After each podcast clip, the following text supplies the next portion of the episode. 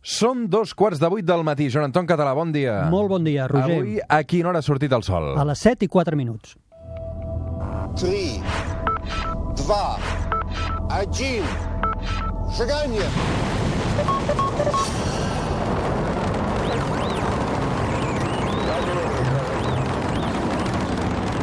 It's one small step for man, one giant leap for mankind. Ja és de dia, Joan Anton. Sí, sí, és meravellós. Aquest canvi d'hora m'encanta. Sí, a tu sí, a mi no tant, eh? A mi m'encanta, eh, ja fa dies, eh? Però, però allò, a mi m'encanta que... Sí, sí, sí, sí. sí. Jo saps que m'agrada la nit. T'agrada la nit, ja, però a mi, és a dir, allò de despertar-te amb la llum natural, perquè jo, a mi, a mi allò, allò tancat en persiana no m'acaba de... No, però pots pujar... No és el cas d'avui, eh? Perquè a l'hora que em llevo els dies que tinc programa, o sigui, allò és negra nit que puc mirar... Um, Mires el cel. El digue'm, cel, digue'm que mires el cel. Veig els forats negres a ull nu, imagina't. Perfecte, Vull dir que perfecte, no calia la Ja tenim, fotografia. sí. Va, és a punt de Sant Jordi, el Joan Català ja, ho, ja el coneixeu, um, parlem de ciència, parlem d'astronomia cada diumenge a l'hora que surt el sol, però és que a més a més últimament ha publicat un llibre fantàstic, Guia d'observació del cel per nois i noies, uh, un llibre que d'alguna manera ens ajuda a entendre alguns dels conceptes que anem definint al suplement al llarg d'aquesta temporada i que recomanem moltíssim. Estarà signant també, Joan Anton? Sí, sí, sí, signaré, signaré. Estem acabant de, de veure el- el- l'agenda exacta, però estaré signant a Passeig de Gràcia i Rambla Catalunya. Avenida. Nosaltres que, que ho celebrem, també que tinguis un bon Sant Jordi, no és el teu primer com a gràcies. escriptor, no? No, no, no. no. Molt bé. Va, um, dit això, uh, segur que si us parlo, um, ara, uh, tots els oients, un DeLorean, segurament sa- sabran què és. A molts els vindrà al cap el famós cotxe esportiu amb portes que s'obrien cap a dalt. Tu havies somiat mai amb tenir un DeLorean, Joan Anton? La veritat, no. Ja no t'ho no havies ni plantejat, no, eh? No, no, no. Però els que sou amants de la ciència-ficció anireu una mica més enllà d'aquest automobilisme i en aquest cas al DeLorean hi veureu aquella màquina del temps de la pel·lícula Regreso al futuro. Ni el Joan Anton Català ni jo som, eh, en aquest cas, els mítics protagonistes, el Doc ni el Marty McFly, eh, crec que eren, no? Sí. Mm, fantàstics i esperpèntics també personatges. Avui volem veure um, com s'ho feien exactament aquells personatges. Volem agafar aquest DeLorean de l'any 1985 per fer exactament el mateix que fan els personatges d'aquella pel·lícula, d'aquella trilogia. Avui viatgem en el temps. Wait a minute, Doc. Are you telling me that you built a time machine out of a DeLorean? A veure, Joan Anton, tu si poguessis viatjar en el temps, t'agradaria anar a algun lloc especialment? T'agradaria veure alguna cosa, alguna època en particular? Sí, sí, absolutament. Jo m'agradaria anar cap al futur a veure el moment en què rebem el primer senyal de vida intel·ligent. Ep, ho tens claríssim, Oh, eh? Allò és un claríssim. somni que mai podràs fer realitat, Oh, jo crec. què vol dir mai?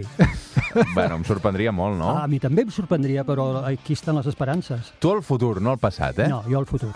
Perquè el futur, eh, el, que, el, el passat el pots estudiar, Imagina't, no? Exacte, però el futur, imagina't. El futur sí que és, és, és molt incert, eh? Sí, es sí. pot viatjar en el temps, Joan Anton? Sí, sí, justament cap al futur. A Justament veure. cap al futur. A veure, explica-m'ho, perquè això no és una pel·lícula de ciència-ficció, no és un espai de ciència-ficció. No. Vull dir, aquí expliquem realitats, eh? Sí, i abans de que compris bitllets cap al futur, Roger, t'haig de dir que sí, farem bé d'explicar algunes coses importants.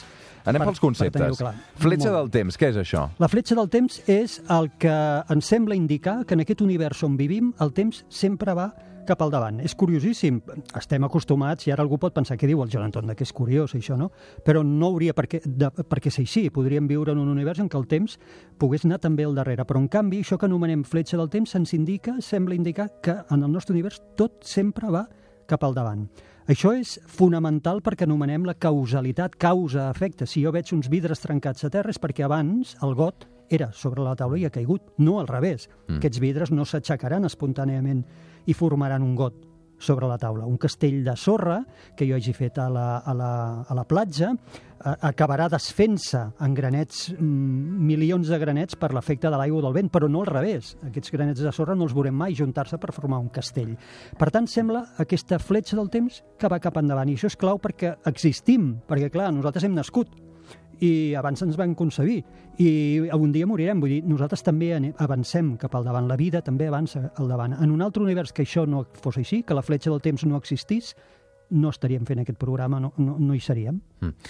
Per tant, aquí, eh, a banda de la fletxa del temps, és la causalitat, no? Exacte. És un altre concepte que hem d'entendre i que hem de tenir molt present. Exacte. Um, aquesta causa-efecte, no? Mm -hmm, exacte. Si Que- no existeix això, nosaltres no hi seríem. Exacte. I, i, però el, el més curiós de tot això, Roger, és que si mirem les lleis de la física, que governen o que creiem que governen la natura, no hi ha cap llei, cap llei que a nivell teòric, a nivell de, les, de la fórmula, impedeixi que el temps vagi al darrere. I, en canvi, la fletxa del temps, aquest concepte, estem veient que el temps sempre va cap al davant. Només hi ha una excepció, una única excepció, que és la termodinàmica. La termodinàmica és una part de la física eh, que hi ha el segon principi de la termodinàmica que diu que en un sistema com l'univers, en un sistema tancat, diríem, eh, el grau de desordre sempre ha d'augmentar. És dir, que la natura tendeix a augmentar el desordre. Jo l'exemple que sempre poso és l'habitació d'un adolescent. L'habitació d'un adolescent tendeix sempre al desordre. I l'única forma d'endreçar-lo és aplicar-hi energia, però la que, la, a la que deixes aquella habitació, eh, de forma, diríem, espontània es desordena. Doncs el fet d'anar de l'ordre cap al desordre és el que ens marca la fletxa del temps. O sigui, la fletxa del temps és anar de l'ordre cap al desordre, anar de l'univers concentrat, que era el Big Bang, cap al desordre d'un univers expandit, absolutament expandit, mm. I immens. I això és el que ens marca la fletxa del temps. No és fàcil del tot entendre això que ens explica el Joan Anton, però jo crec que ho estem aconseguint. Um, primeres conclusions. Uh, no podem tirar enrere No, perquè perquè si no trencaríem la causa-efecte. Perfecte, exacte. És dir, no hauríem nascut eh, o ens podríem carregar, el típic de les pel·lícules de ciència-ficció, no ens podríem carregar un- algun avantpassat nostre i impedir que nosaltres mateixos eh, nasquéssim. Per tant, en el nostre univers, la fletxa del temps es marca cap al davant, per tant, no podem anar al darrere. D'acord, uh, va, respectem aquesta termodinàmica, aquest concepte que ens expliques, Mhm. també la fletxa del temps, assumim que no podem viatjar enrere en el temps, però què passa si es compleix el teu desig i viatgem endavant? Marty! You've got to come back with me! Where? Back to the future! Has de tornar cap al futur. Eh, ara anem, exacte, anem, anem cap al futur, que és l'única direcció que podem, que podem agafar. Uh, podem viatjar al futur, Sí, eh? podem viatjar. I això ho podem fer... No eh, m'estàs prenent el pèl, eh? Um, no, a mi me'l van prendre, com pots veure, fa molt de temps, però no me'l van, no me'l van prendre amb això, perquè avui sabem que la relativitat d'Einstein funciona, jo hem pogut uh, comprovar, i alguna de les formes que ara us explicaré de viatjar en el futur es basen en la relativitat uh, de l'Einstein. Primera forma de viatjar al futur. Uh, sabem que el concepte velocitat és un concepte que no és absolut, és relatiu. No hi ha res que estigui en repòs absolut o que estigui en moviment. Tot depèn d'en què ho comparis. Val?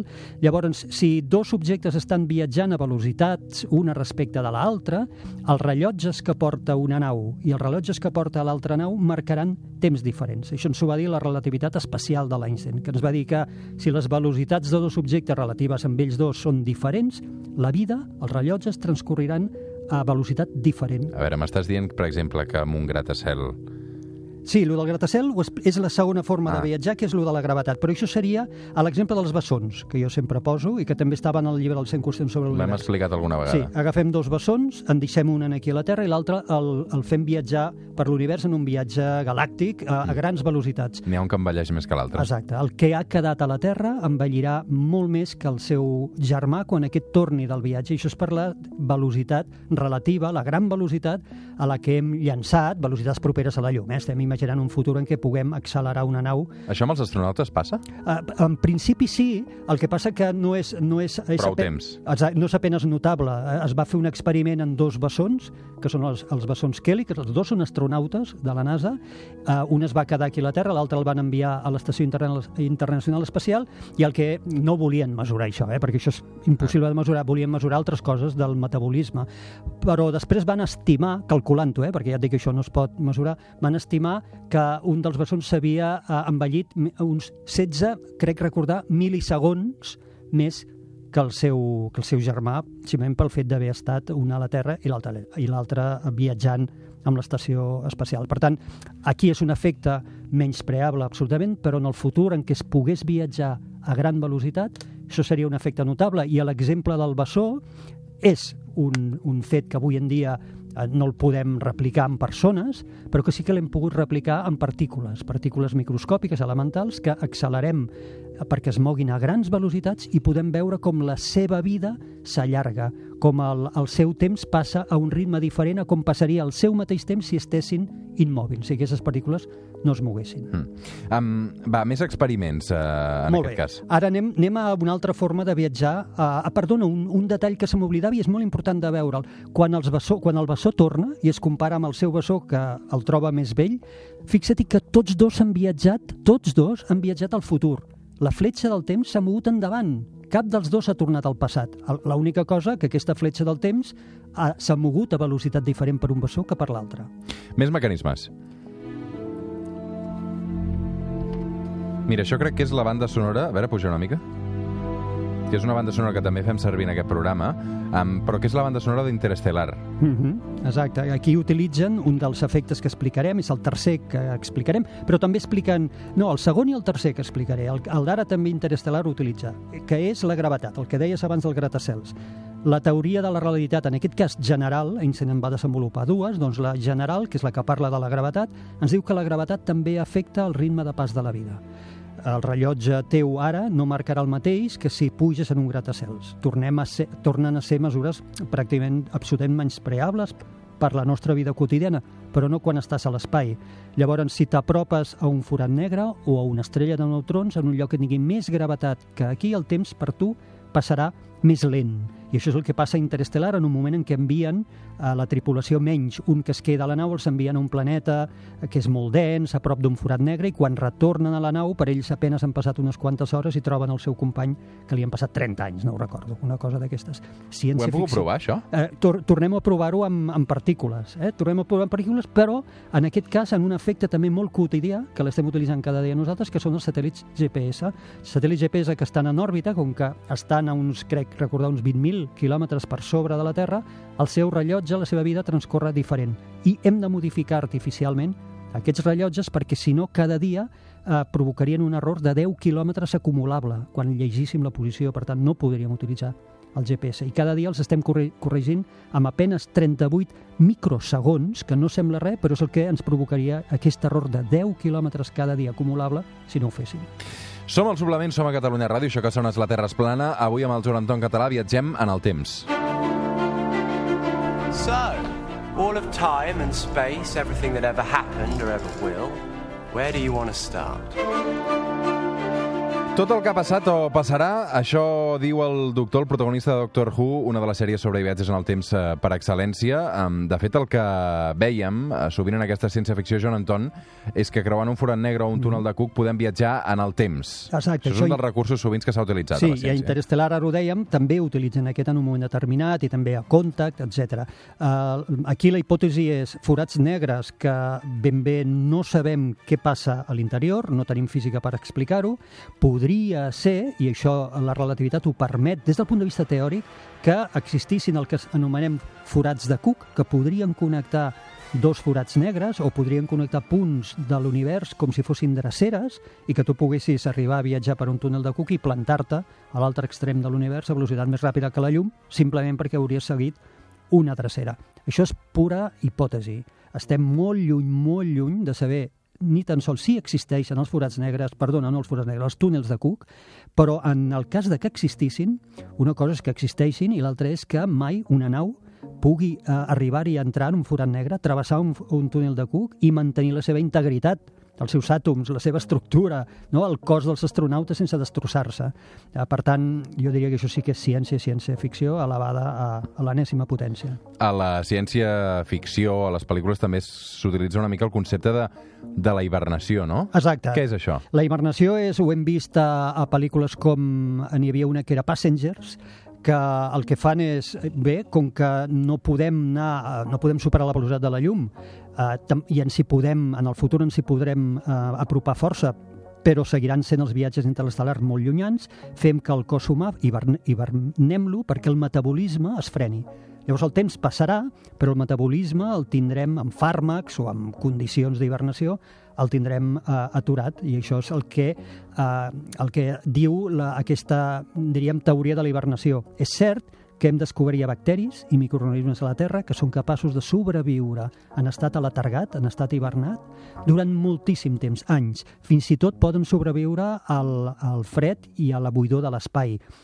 Però clar, una cosa és que ho facin microorganismes, bacteris, i l'altra és que ho puguem mai fer en persones. Però si jo hagués d'apostar, aquesta forma la tenim molt més a prop, segur, la de la hibernació, que no aquella que dèiem de creuar un forat negre. Mm.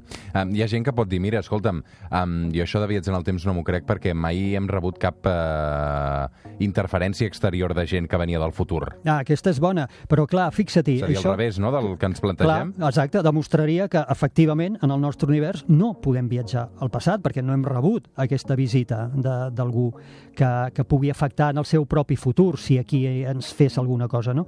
Eh, però hi ha una altra, una altra possible raó, perquè també podríem dir bé, i com és que no hi ha lo dels, eh, lo dels bessons, és a dir, com és que no ens han vingut, no? I l'altra raó seria perquè a lo millor les civilitzacions no arriben a desenvolupar-se tant de temps com per eh, assolir una tecnologia que pugui fer això, enviar un bessó o un, una persona, diríem, a grans velocitats per, per l'espai i tornar i veure com s'ha envellit eh, diferent, val? perquè segurament les, les civilitzacions no eh, sobreviuen tant. Aquest seria una altra de les possibles hipòtesis de- d'aquest factor, d'aquest tema. Què et va semblar tu la trilogia Regreso al Futuro? La veritat és que la vaig veure molt poc, eh? No sóc un gran fan d'aquesta sèrie. He vist episodis separats, eh, no l'he vista tota. Era bastant agradar? surrealista. No, no gaire. Vull dir, no era el meu fort. Mm, el Vull meu que tampoc, el ja meu saps que la ciència-ficció a vegades... No, N'hi ha que sí, n'hi Mm. ha de ciència-ficció. Stranger Things, per exemple, ja n'hem parlat alguna vegada, és, és boníssima. Però a mi aquesta de viatjar al futur amb el cotxe aquest i la màquina del temps que van construir, eh, bueno, a mi no, Mm. no va ser una sèrie que m'impactés gaire. Joan Anton, què passarà aquesta setmana si mirem cap al cel? Doncs mira, el dimarts, aquest dimarts proper, dia 23, Lluna i Júpiter formaran una parella a la segona part de la nit. Recordes que fa dies que parlem de Júpiter, que el tenim de matinada, a la segona part de la nit? Doncs la Lluna minvant, el dimarts 23, es col·locarà ben a la vora de Júpiter. Per tant, ben atents, eh? Ben atents, només cal aixecar la vista al cel. Per cert, l'altre dia també vaig llegir el diari. Uh, realment, um, la premsa astronòmica està d'enhorabona perquè això és un no parar, eh? Sí. Um, que s'ha detectat vida microscòpica a un meteorit provinent de Mar. Ah, un moment, un moment, un moment. Ja m'agradaria a mi, perquè llavors jo hagués complert el meu somni aquell de, de no anar-me'n d'aquest món sense haver contestat la pregunta. No, hi ha un grup de científics que diuen, diuen Ah. haver descobert eh, signes possibles de vida microscòpica a Mart en un meteorit. És un meteorit que es diu alguna cosa així com ALH guió 0077, que es va descobrir l'any 77 per un equip de japonesos a l'Antàrtida. I és un tros de Mart, és un meteorit que prové de Mart. Uh, I s'ha estudiat moltes vegades, però aquest últim estudi que s'ha fet, el grup de científics creuen, creuen detectar uns senyals a les, als minerals que podrien provenir de metabolisme animal. Per tant, no ho tenim clar del tot, eh, això encara, No, eh? ge- gens clar, ja m'agradaria a mi que ho tinguéssim clar. Joan Anton Català, una abraçada ben forta. Igualment, gràcies. Molts ànims. Fem una pausa i tornem al suplement, que és diumenge. Vinga, va.